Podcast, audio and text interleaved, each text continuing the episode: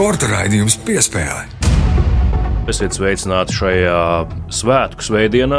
Es ceru, ka esat uh, nolīgojuši, nojāņojuši un tagad uh, atpūšties, gatavoties jaunajai darba nedēļai, bet gatavi klausīties sporta raidījuma piespēli. Mēs nemainīgi esam jūsu ausīs un radio uztvērējos. Es Mārtiņš Kļavnieks un mans kolēģis Mārs Bergs. Sveiks, Mārtiņ! Sveiks, Mārtiņ! Sveicināti klausītāji! Jā, vasaras salgrieži nu mums ir palikuši aiz muguras. Un, uh, Jau ir pienākusi mēneša pēdējā nedēļas nogale. Mēs ar tevi, godīgi sakot, bijām pārliecināti, ka būs vēl viena nedēļas nogale.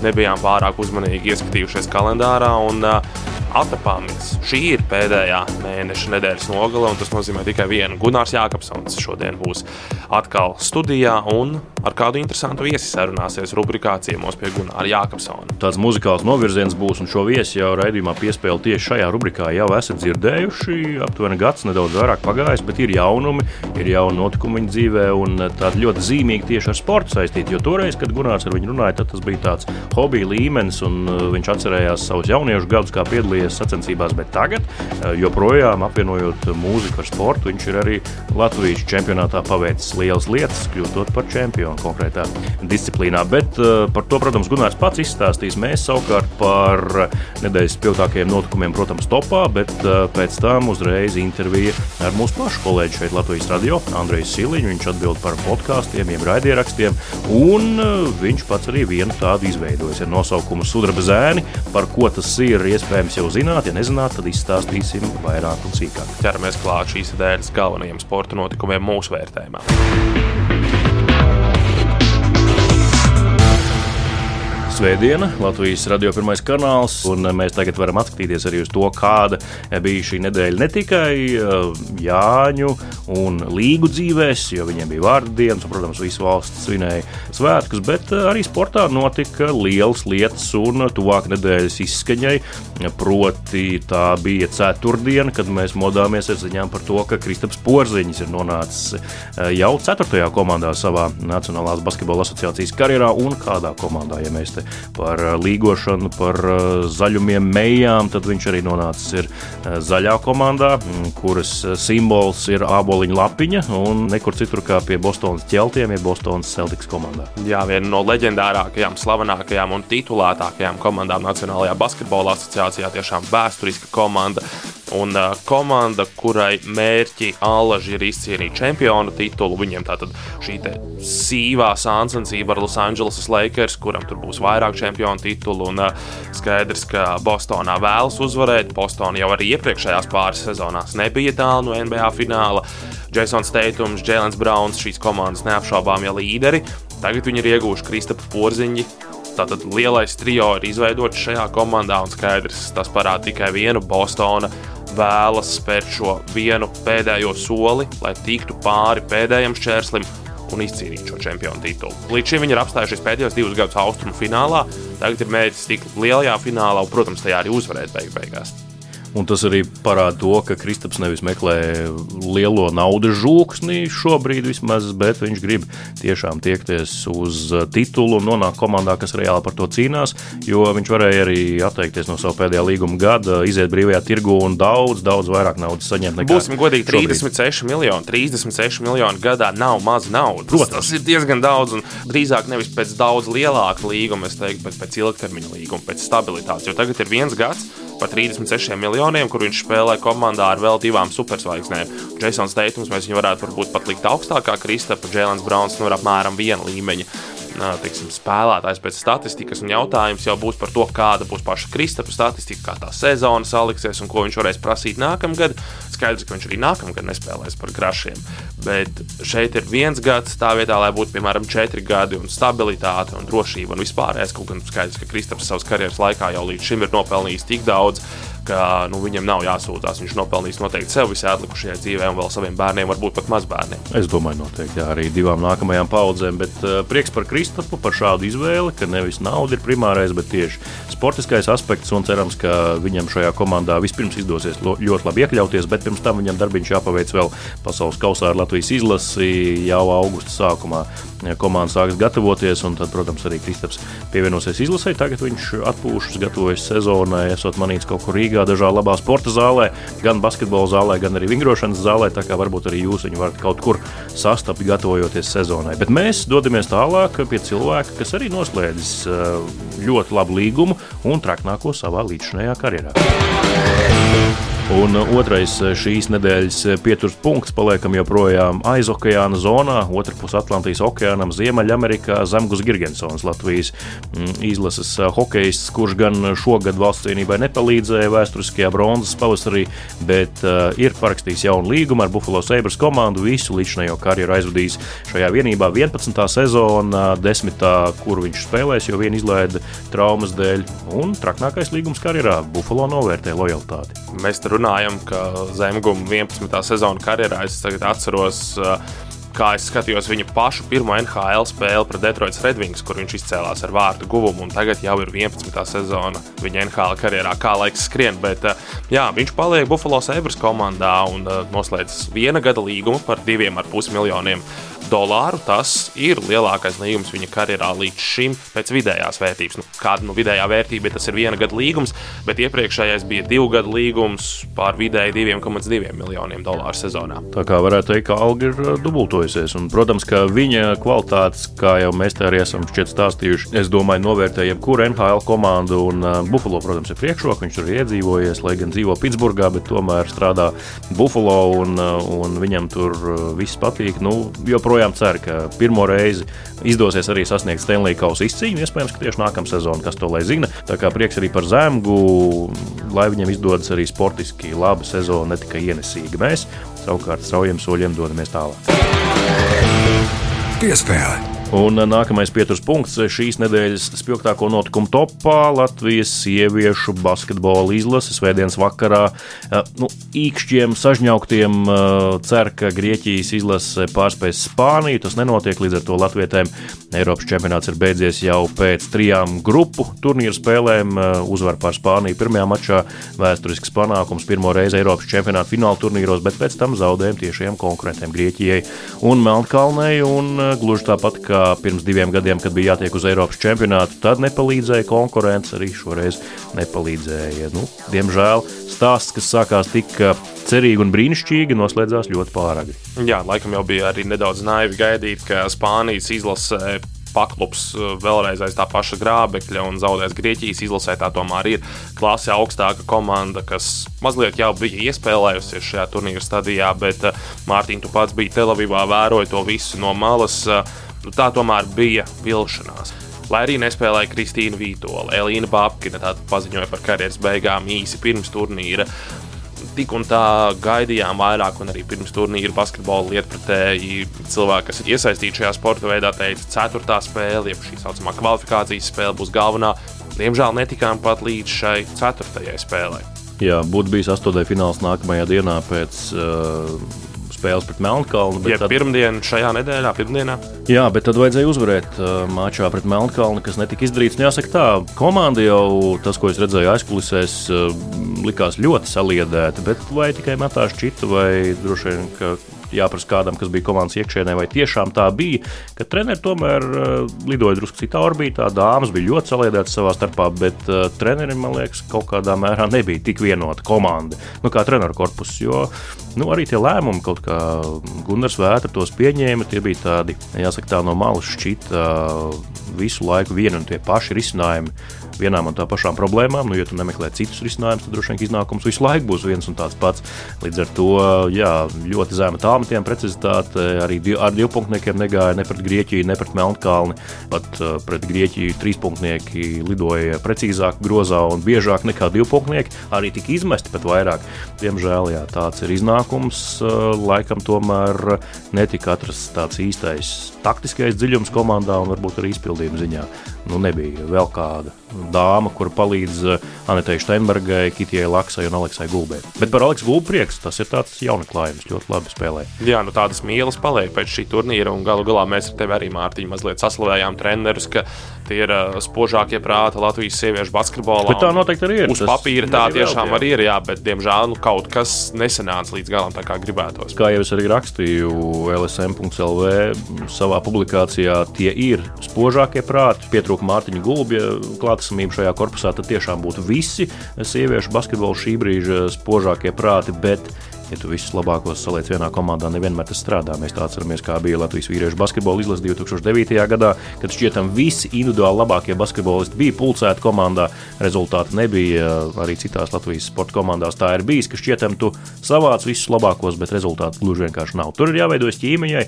Iespējams, ka starp šiem treneriem tā savstarpējā ķīmija tomēr nebija tik cieša, bet negrib neko apgalvot. Tas tikai tā no malas izskatījās. Iespējams, ka viņi paši varbūt pasakītu, ka viss bija vislabākajā kārtībā vienkārši kaut kur niansēs neveicās, nesanāca, neizdevās. Tā kā paldies sieviešu izlasē par pozitīvām emocijām. Uh, uzvaru pār Spāniju, tā tomēr ir vēsturiski un ierakstīta vēstures grāmatās. Mēs savukārt ātri dodamies pie šīs nedēļas pēdējā pieturas punkta. Pagājušā svētdiena Rallijas Liepāja noslēdzās jau pēc sporta raidījuma piespēle izskanēšanas. Mārtiņš Sesks triumfēja arī Liepājas rallijā. Pie mums uh, atnāca uz studiju kā polijas rallija uzvarētājs un šeku reku vēl viens tituls kabatā. Nesauksim to par titulu, tu sauksim to vienkārši par uzvarētu ralliju. Otrais uzvarētājs rallijas pēc kārtas Mārtiņam Seskam un viņa stūrmanim Renāram Francim. Un, uh, Liepājā vai kurzemes apkaimes ceļos, jo galu galā rallijas notika Tukumā, Talsos, Kuldīgā un arī Dienvidkurzemes novadā.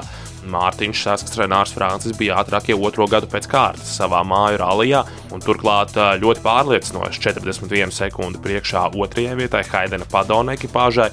Viņi ir čempionāta līderi. Tātad Padons ar savu stūrmani un Mārtiņš Sasks ir otrajā vietā un apsteidza arī tādu pieredzējušu zināmu vārdu rallijā kā Mats Osbergs. Par Mārtiņu un Renāru, protams, arī priecājamies. Viņus daudzinām, bet tu arī biji klātienē šajā rallijā, un tas tomēr bija ģenerāla mēģinājums nākamā gada pasaules rallija čempionāta posmam Liepājā.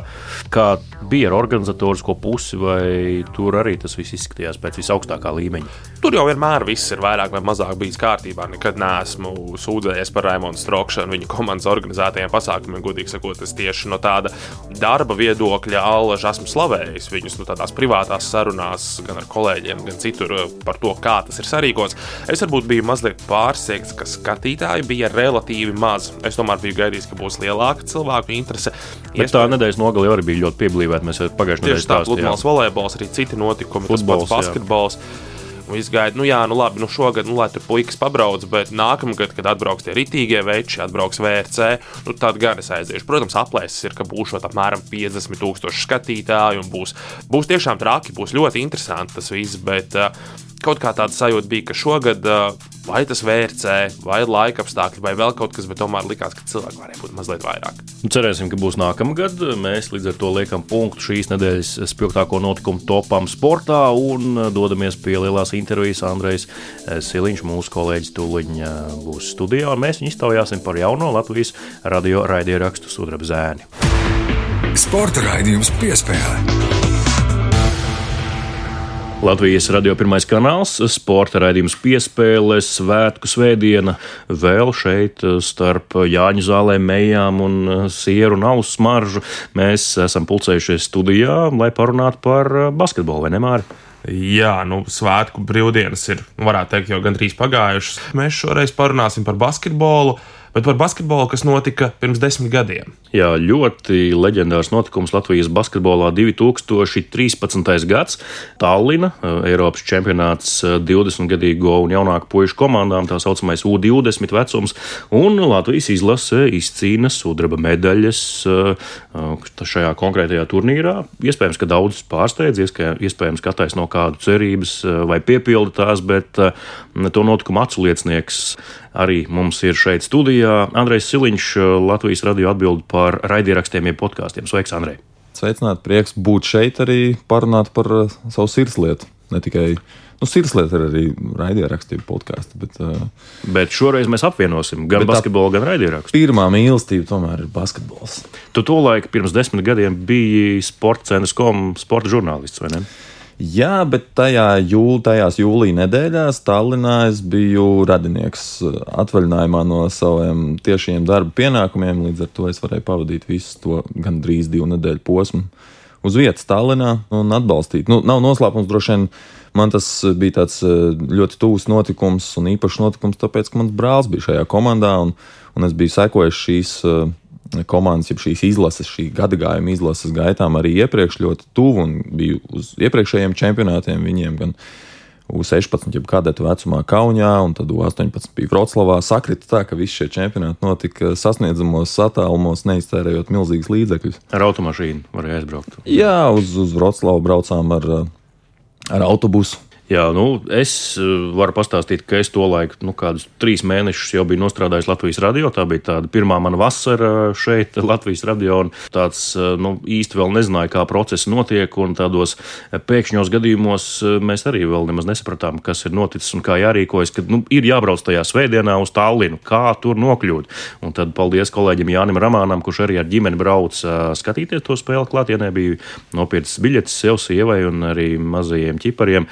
Un tad mēs viņa mazajā Volkswagen Fox dzeltenajā braucām uz Tallinu un, eh, un vērojām to spēli. Jā, Tas raksturo patiesībā vispār visu to turnīru, jo no šīs paudzes jau īpaši negaidīja nekādus lielus panākumus. Es arī atceros, jā, jo man arī jautāja producenti, bet eh, vai tad jūs sporta nodaļā nevarējāt prognozēt, paredzēt? Es saku, nu, pirms turnīra šai komandai nu, nekādas tādas augstas virsotnes neprognozēja speciāli. Jā, viņiem sanāk tā, ka U16 2009. gadā Kaunijā notiekošajā čempionātā viņi palika 9. un tur patiesībā viņu pašu vainas dēļ, nu, kā, nu, pa, ne vainas dēļ, bet nu, pašu dēļ viņi neiekļūtu tajā astotniekā, jo tikpat labi viņi tur pret Vāciju nospēlējot sekmīgāk, būtu iekļuvuši astotniekā, kas jau uz to brīdi, savukārt tajā vecuma posmā, kadetiem būtu viens no labākajiem sasniegumiem eh, līdz tam, kāds ir bijis Latvijai pēc neatkarības atgūšanas. Un tad tas U-18 čempionāts pēc diviem gadiem savukārt gan izvērtās ļoti neveiksmīgs dažādu apstākļu dēļ. Tallinā ierado, ierodoties uh, Droši vien bija tikai daži ģimenes, kurš bija, bija ģimenes locekļi, kas vienmēr atbalsta, lai kā komandas spēlētu, bet eh, tā ļoti labi varēja just to ažiotāžu pieaugumu turnīru laikā. Tas viss, protams, noslēdzās ar 6800 skatītājiem. Tallinas arēnā, no kuriem nu, absolūti lielākā daļa bija Latvijas līdzekļi. Bet, jā, ja mēs tagad paskatāmies uz to sastāvu, kas toreiz spēlēja, ne visi, bet daudzi no šiem spēlētājiem ir 8 izauguši. no 12 spēlējuši vīriešu izlasē. Tieši tā, daudz no viņiem ir izauguši par, nu, ja ne zvaigznēm, tad pietiekami augstu līmeņu basketbolistiem. Gan tavs brālis, Ojārs Siliņš, gan, gan arī daudz citu. Tas, tas pats Toms Lēmanis tagad arī Nacionālajā izlasē spēlēja pietiekami lielu lomu kvalifikācijas ciklā uz pasaules kausa, un tur ir daudz. Mēs tur varam sākt saukt pa vienam vienu.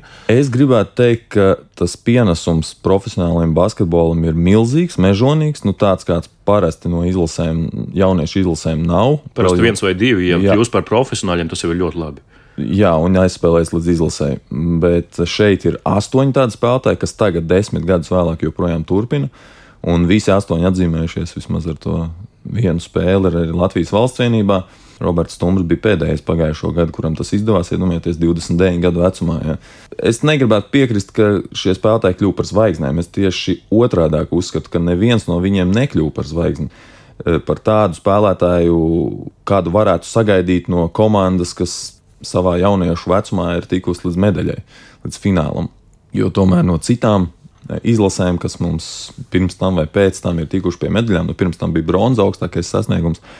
Pēc tam mums ir bijuši arī pāris fināli, nu, tomēr ir spilgtāki spēlētāji. Nu, tur arī daudz dažādu apstākļu, arī par to mēs runājam šajā podkāstā. Jā, tā tad ķeramies pie lietas, kādēļ mēs Andrei esam uzaicinājuši. Tu jau pieminēji podkāstu, ir raidierakstu Sudraba zēni. Pirmā sērija jau ir pieejama ar Artūru Štālbergu, šīs konkrētās komandas galveno treneri. Viņam palīdzēja Jevģīnijas Kusuškins un Raimons Feldmanis. Oskars Einsteins jāpiemina noteikti arī. Kas fiziskās sagatavotības treneris Raimons Feldmans bija trenējošais menedžers. Jā, es arī starp citu ar viņu pagājušajā gadā par šo runāju. Viņš stāstīja tās nianses, kā viņam bija tā pienākuma sadale pašam personīgi. Bet jā, tātad tu esi šī raidieraksta autors, Sudraba Zēni, stāsta par šo komandu, desmit epizodes, pirmā jau ir gaisā. Kur dzīvo ideja? Tas, ka tu esi tik ļoti piesaistīts šai komandai, desmit gadu jubileja, šie divi fakti vai vēl kādi faktori? To, ka es gribēšu šo visu kaut kad turpmāk, nākotnē dzīvē retrospektīvā paskatīties un pastāstīt šo, par šo notikumu. Es zināju uzreiz jau, patiesībā, jau tā turnīra gaitā, jo es jau kādu laiku biju strādājis sporta žurnālistikā, un man šķita, ka šeit ir stāsts visu šo iepriekš minēto iemeslu dēļ. Gan tas, ka neviens negaidīja, gan tas, kā pēc tam attīstījās šīs karjeras, manuprāt, ļoti labi šī raidieraksta laikā mm, klausītāji varēs just, kā mainās cilvēks arī desmit gadu laikā. Kādas ir domas, cerības un kaut kāds varbūt tāds, tāds romantiskais naivums par profesionāļu karjeru 20 vai nepilnu 20 gadu vecumā, un kāds tas ir pēc tam, kad tu jau esi nobriedis gan kā personība, gan spēlētājs. Un jau otrajā epizodē, kurā būs Jānis Bērziņš, šīs komandas rezultātīvākais spēlētājs, tas jau būs spilgti jūtams. Jā, jo es nenoguris arī radioetrā vienmēr cildinu Jāni. Nu, tautā saukt par Boni, ka viņam vispār būtu piemineklis jāuzceļ par to, ka viņš joprojām spēlē profesionālo basketbolu trīs reizes pāraugt ceļgala krusteniskās saites un tik līdz ACB līgai Spānijā. Nu, tas, man liekas, ir nu, kaut kā tiešām, ja, nu, ja ne pieminekļi, varbūt grāmatas vērts vismaz. Tur, protams, ir dažādi tie blakus apstākļi, un, un tas, tas trīs krusteniskās saites notika četru gadu periodā, tā kā ļoti īsā laika posmā. Un, un kā viņš pats smējās tieši raidierakstu laikā, epizodes ierakstu laikā, tad iespējams, ka viņš ir vispār vienīgais spēlētājs Eiropā, kuram pēc trīs krustenēm, krustenisko sēžu plīsumiem ir joprojām izdevies turēties ļoti solidā līmenī. Tas noteikti nav viegli. Tas, tā ir viena no smagākajām traumām vispār, kas var būt profesionālajā sportā. Bet uh, par viesiem tātad Arthurs Stālbergs, komandas galvenais treneris, Jānis Bērziņš, viens no rezultātīvākajiem, nevis viens no, bet pats rezultātīvākais, kas vēl viesosies šajā podkāstā. Jo šis noteikti ir viens no tiem gadījumiem, kad sarunāt viesus nav sarežģīti, bet drīzāk ir jāprot atlasīt tos viesus, kurus aicināt. Nu, es pieļauju, ka Jānis būs droši vien, vai ne? Ar Rojāru ir ierakstīta epizode, un arī ar Kasparu Vecvagaru, šīs komandas kapteini, un gribētu teikt tādu sirdi un dvēseli. Kurš finālā nospēlēja ar laustu pirkstu? Man liekas, Kopš ceturdaļa fināla viņš spēlēja ar laustu pirkstu, un arī Artur Štābergs to šajā pirmajā epizodē jau ļoti uzsvēra kā tādu, kā tādu atklāsmes momentu turnīra laikā, jeb patiesībā varbūt ne atklāsmes, bet pārliecības momentu, kad Kaspars pienāca un teica, ka viņš ir gatavs spēlēt ar visu salauzto pirkstu. Tu, tas liecināja par komandas raksturu. Būs ne tikai spēlētāji, būs arī treneri. Tas pats pieminētais Raimons Feldmans, kurš gal galā vēlākajos gados šobrīd jau ir daudzkārtējs trīs pret trīs basketbola dažādu medaļu ieguvējs, tos starp olimpiskais čempions. Būs cilvēki, kas ir bijuši apkārt, cieši klāt gan komandai, gan kā līdzutēji, gan kā funkcionāri, kas ir strādājuši basketbolā. Tā kā es vairāk koncentrējos ne tikai uz tiem pašiem spēlētājiem un treneriem, kas to ir paveikuši, ir daļa, kas, protams, ir šādi viesi, bet eh, nu, komandā gal galā bija 12 spēlētāji, podkāstam ir 10 epizodes.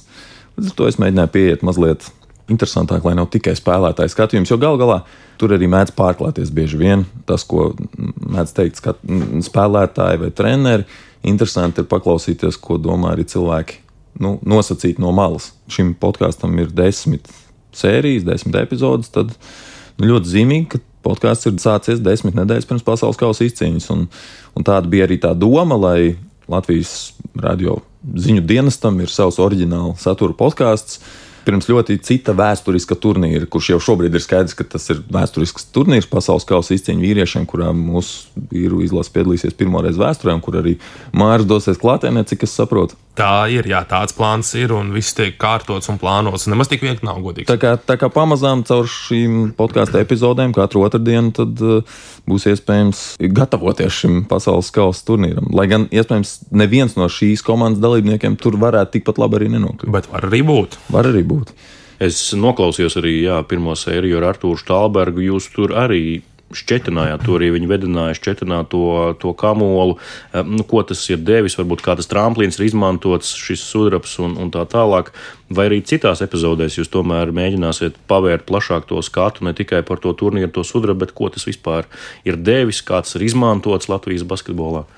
Jā, atkarīgs no viesiem. Nu, bija viesi, ar kuriem mēs vairāk runājām par viņu ja tie bija spēlētāji, tad par viņu gaitām, viņu karjerām, un tad ar citiem viesiem savukārt mēs varējām paskatīties arī to kopējo bildi vairāk.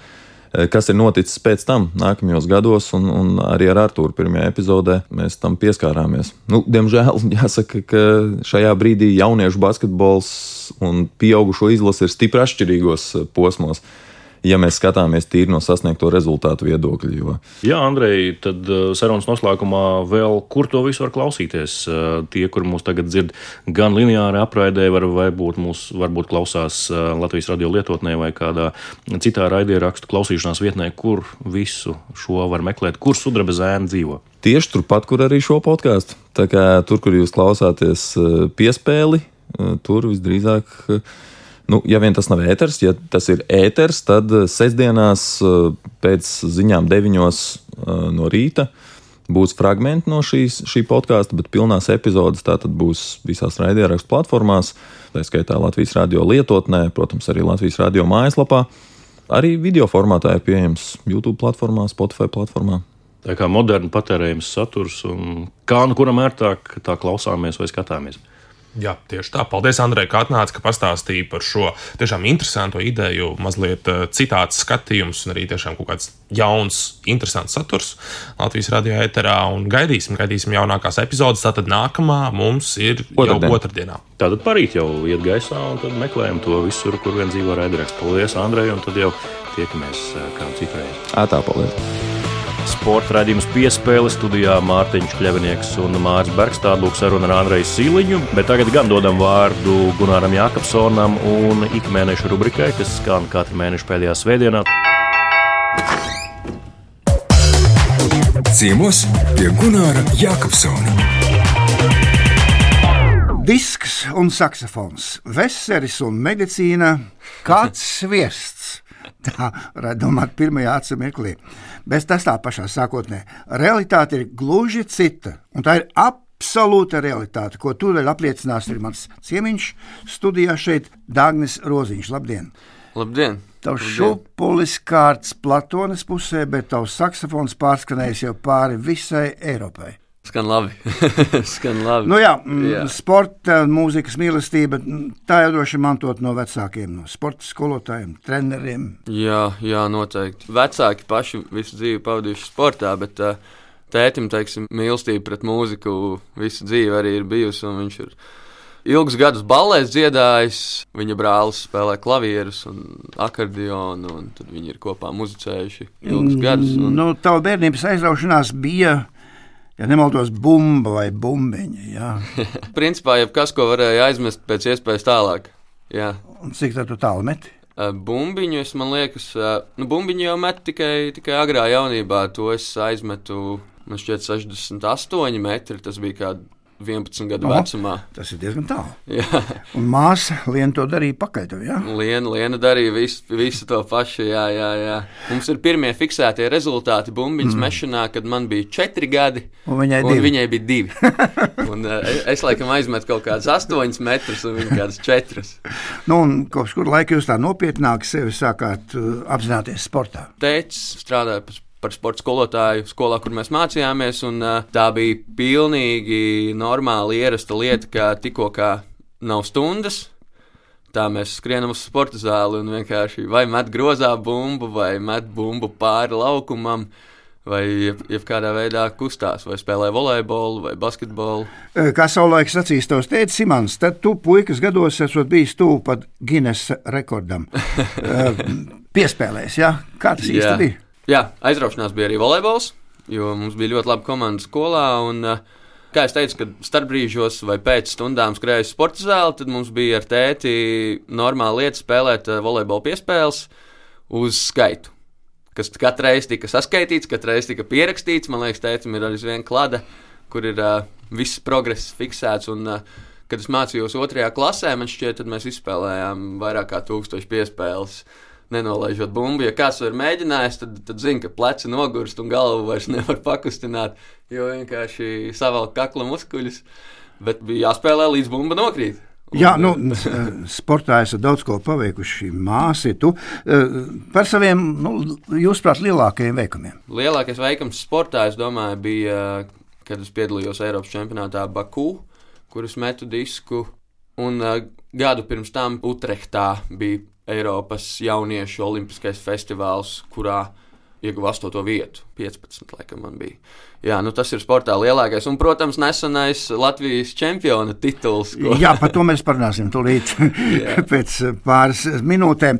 Nu, un māsai, māsa arī startējusi. Māsa kur... arī ir startējusi. Māsa ir uh, Eiropas komandu sacensībās vieglatlētikā pārstāvējusi Latviju kā vesera metēja. Un, un kāda ir tenis? Tenisā viņa turējās desmitniekā, Latvijas mērogā, reitingā kādu laiku, 13, 14 gadu vecumā, bet uh, tad viņai arī sākās kaut kādas traumas ar elkoņiem. Pamazām viņa aizgāja no tā tenisa. Nu, prom. labi, traumas ar alkoņiem, pēc tam vesels. Kā tas tiek savienots uh, kopā? Vesels ir daudz, daudz saudzīgāks teiksim, par tenisu bumbiņu. Pre, par tenisu es domāju, noteikti jā. Ir, varbūt, ir lielāks lodze varbūt uz muguru, kājām, bet uh, mazāk uz rokām, elkoņiem, pleciem. Tu esi pats mēģinājis mest veseli arī? Uh, veseli es esmu mēģinājis mest, jā, es divreiz cik, pamēģināju. Cik, cik, cik? Māsa tur tev vinnēja. Māsa man vinnēja, noteikti. Es arī. Jā, jā, jā. jā, jā. Kad biju maziņš, bija tādas metēju sacensības, vienmēr koknesē, aizkrauklē, tīri mešanas disciplīnas sacensības. Un es atceros, līdz kādiem 13 gadiem es piedalījos visos veidos. Un bija pat, man liekas, nu, kad es biju mazāks, tur 10 gadi, tad bija reizes, kad es pat visos veidos vinnēju. Tas bija tad, kad es biju mazs un stiprs un nevajadzēja tik daudz varbūt to tehniku, bet vesels ir ļoti, ļoti tehnisks un tikko bija jāsāk griezties apkārt vairāk kā vienu reizi, es sapratu, ka, ka tas ir pa daudz priekš manis un veseli nemet vairāk. Jā, bet kā tu tomēr pie tā diska nonāci? Tev taču tomēr bija mīļi sporta veidi arī pirms tam. Un, un mūzika un disks kaut kā piedod. Nu, jā, kopā. jā, nu disks pēc ķermeņa aprisēm bija varbūt piemērotāks tieši diska mešanai. Piedod, augums tev ir? Man ir 1,97 m. 97. Jā, drīz būs jā. 2 metri. Jā. Nu, nebūs. cerēju, cerēju, ka būs. Jā, arī skolā starpbrīžos gāja staipīties, lai izaugtu līdz 2 metriem. Tas man likās, ka būtu ļoti forši, bet uh, neizauga līdz 2 metriem. Bet, bet disks. kaut kā dabīgāk sanāca tas viss. Un uh, arī treniņa apstākļi bija tādi, principā, man jaunībā, ka nebija sevišķi nekāds sektors vai skrejceļš, bija liela pļava. Un uh, es uz ceļa taisīju apgriezienu un metu pļavā. Uzbūvēju diska mešanas sektoru Platonē, tad, kad es jau biju beidzis trenēties. Bet uh, tagad, teiksim, Latvijas čempionāts uh, notika tieši tur, Platonē. Jā, nu ne tikai man vien pārsteidza tavs čempionu tituls. Apsveicu. paldies, paldies. Kur tas notika un kā tas notika? Jā. Vai tev tas pašam arī bija pārsteigums, vai tu mežonīgi trenējies 24 stundas diennaktī, lai kļūtu par Latvijas čempionu? Nē, nē, nē, trenēties nesanāca daudz. Es, protams, ikdienā sportoju, eju uz svaru zāli, uz basēnu reizi nedēļā. Šo tad uzspēlēju arī bumbu, bet uh, sanāca divas nedēļas pirms čempionāta aizbraukt pie tēta ciemos. Un uh, mums ir vienkārši tāda izklaide. Tā kā citi iet makšķerēt, vai ne? Mēs ejam mest disku. Un uh, mēs aizgājām uzmest disku, un uh, es aizmetu treniņā 44 metri, kas bija tā tīri. Labi, ņemot vērā, ka es nebiju ilgu laiku to darījis. Un uh, tad teica, saka, nu jābrauc uz Latvijas čempionātu. Pēc rezultātiem es uh, finālā astotniekā, teiksim, varēju normāli tikt. Un uh, bija tāds, nu, jāuzmet, jāuzmet. Tomēr līdz 25 gadiem jau spēks tā dabīgi nāk klāt. Tad tev tētim jādod pusi no medaļas. jā, nu, visa medaļa. Visa, visa medaļa jādod, jā. Ir forši piedalīties sacensībās, kad nav nekādas expectācijas, kad nav nekāds spiediens. Jo, teiksim, tā, kad es trenējos, bija spiediens, nu, ja es esmu trenējies, man ir jāuzmet sev atbilstošs rezultāts, no manis gaida kaut kādu godalgu, kaut kādu vietu. Tad šoreiz es vienkārši gāju un darīju to visu prieka pēc, un beigās tas viss sanāca labāk nekā cerēts. Jā, un prieks tavās acīs, mēs joprojām šeit studijā apsveic vēlreiz. Nu, mēs ar tevi tēti Mante studijā bijām tad, kad, kad kopā ar citiem zēniem tu pusies Eirovīzijai.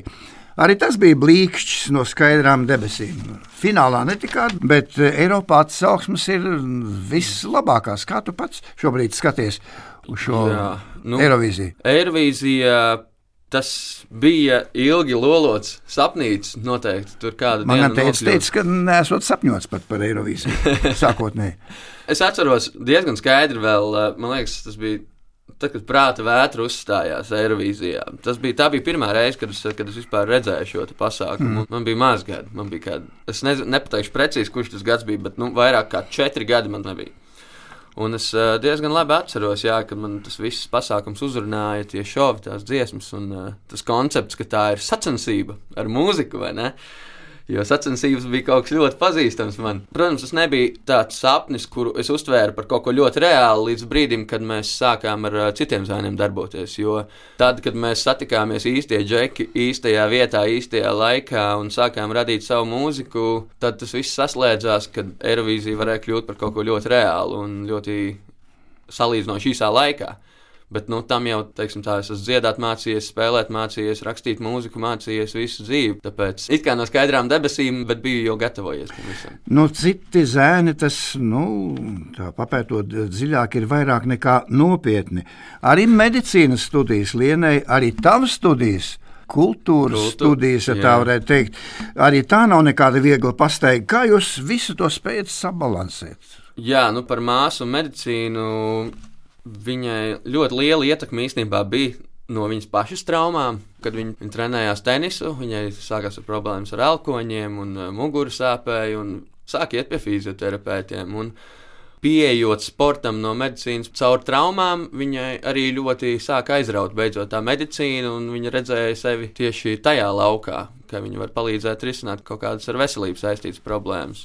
Un to pats risina sevi, cik laukos, kad jūs desmit kopā. Es neteiktu, ka manas studijas un mācīšanās ir kaut kas ārpus, ārpus mūzikas un ārpus grupas dzīves, jo tas ir ļoti, ļoti saistīts. Es tomēr eh, mācos par industriju, kurā es jau strādāju. Eh, Līdz ar to es tikai papildinu sevi tur, kur es jau esmu. Tas, ko es mācos, man palīdz attīstīties karjerā. Jā, aizgrandis hokejs, droši vien sekoja Jā, hokeja jā, jā. notikumiem. Arī nolīgoti Jāņi, droši vien arī mēģināja papardu ziedus sameklēt, kā tur iznāca, kā ne. Nāk dziesmu svētki, un drīz uz pasaules skatuves kāps basketbolisti. Tie būs atkal lieli sporta svētki, bet ar ko iezīmīga solās būt tava sporta vasara, un ne tikai sporta vasara vien. Gribās pievērsties uh, diskam vairāk vasarā, tagad, kad būs beigtas studijas, uh, būs vairāk laika arī sportot. Bet jums tūlīt izlaidums jau pēc pāris dienām. Jā, izlaidums tūlīt būs klāts, par ko es ļoti priecīgs, jo Pats spēlēs arī izlaidumā. pats arī spēlēšu, Dziedās. dziedāšu, un jā, palaidņosies. un palaidņošos, un, un man pat ir absolventa runa jāstāsta. O, varbūt RTU. pirmo teikumu var pateikt jau šeit studijā. Tā. Nē, nē, vēl, vēl nē, to es atstāšu, to es atstāšu izlaidumam. Jā. Ko vēl tu gaidi no šīs vasaras? Daudz koncerti ar citiem zēniem. Ļoti, ļoti aktīvi strādājam pie albuma jaunā, kuru mēs laidīsim ārā oktobrī. Un uh, vasarā, tad, kad nav koncerti, tad es meklēju iespēju trenēties un, uh, un strādāt pie albuma. Un ļoti ceru, ka tikšu arī uz Latvijas čempionātu. Vēlreiz uzmest disku. Pagaidām koncerts nav tajā datumā. Ja būs koncerts, tad diemžēl nesanāks. Jā, jo nu, tomēr mūzika ir primāra un disks ir hobijs. Bet ļoti ceru arī pārstāvēt. Kas man ļoti patīk par to Latvijas čempionātu, kad man sanāca uzvarēt. Es ceru, ka es uzsitu pārējiem džekiem asini, teiksim tā, lai, lai viņiem ir rīktīgs stimuls trenēties. Un, uh, tagad, sekojot līdzi citu rezultātiem, nu, man ļoti paveicās uzvarēt Latvijas čempionātu ziemā, jo tagad džeki met krietni tālāk. Jā, nu, tu aizmirsti piebilst, ka nākamā vasarā Parīzes Olimpiskās spēles. Jā. Nu līdz turienei man ir uh, kā līdz mēnesim. Jā, normatīvi ir augsti. Jā. Jā, nu, mm, es tev teikšu lielu paldies, ka atnāci pie manas ciemos uz studiju. Pirms Olimpiskā gada vasarā es tev vēlu daudz muzikas, daudz sporta, daudz prieka un daudz pārdzīvojumu. Paldies! Un uz tikšanos gan koncertos, gan arī sacensībās, tātad vasarā 2023. Jā, būs liels klases.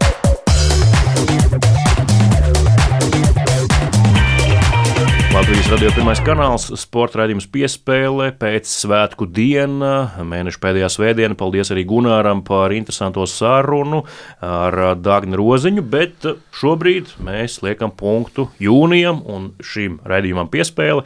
Sakam vien paldies par klausīšanos arī šajā svētku laikā karstajā laikā, un atgriežamies atkal pie jums jūlijā, kad atkal jauni viesi, jauni temati un jaunas sarunas. Jā, kā arī dzirdējāt intervijas laikā ar Andreju, tad uh, raidījumu piespēli varat klausīties turpat, kur arī Sudraba zēnu raidīja rakstīja podkāstu, proti gan lineārajā apraidē, tad radio ēterā, gan arī, protams, Latvijas radio arhīvā. Un visās labākajās, populārākajās raidierakstu vietnēs tīmeklī. Paldies, ka klausījāties un tiekamies pēc nedēļas. Vislabāk! Uztikšanos!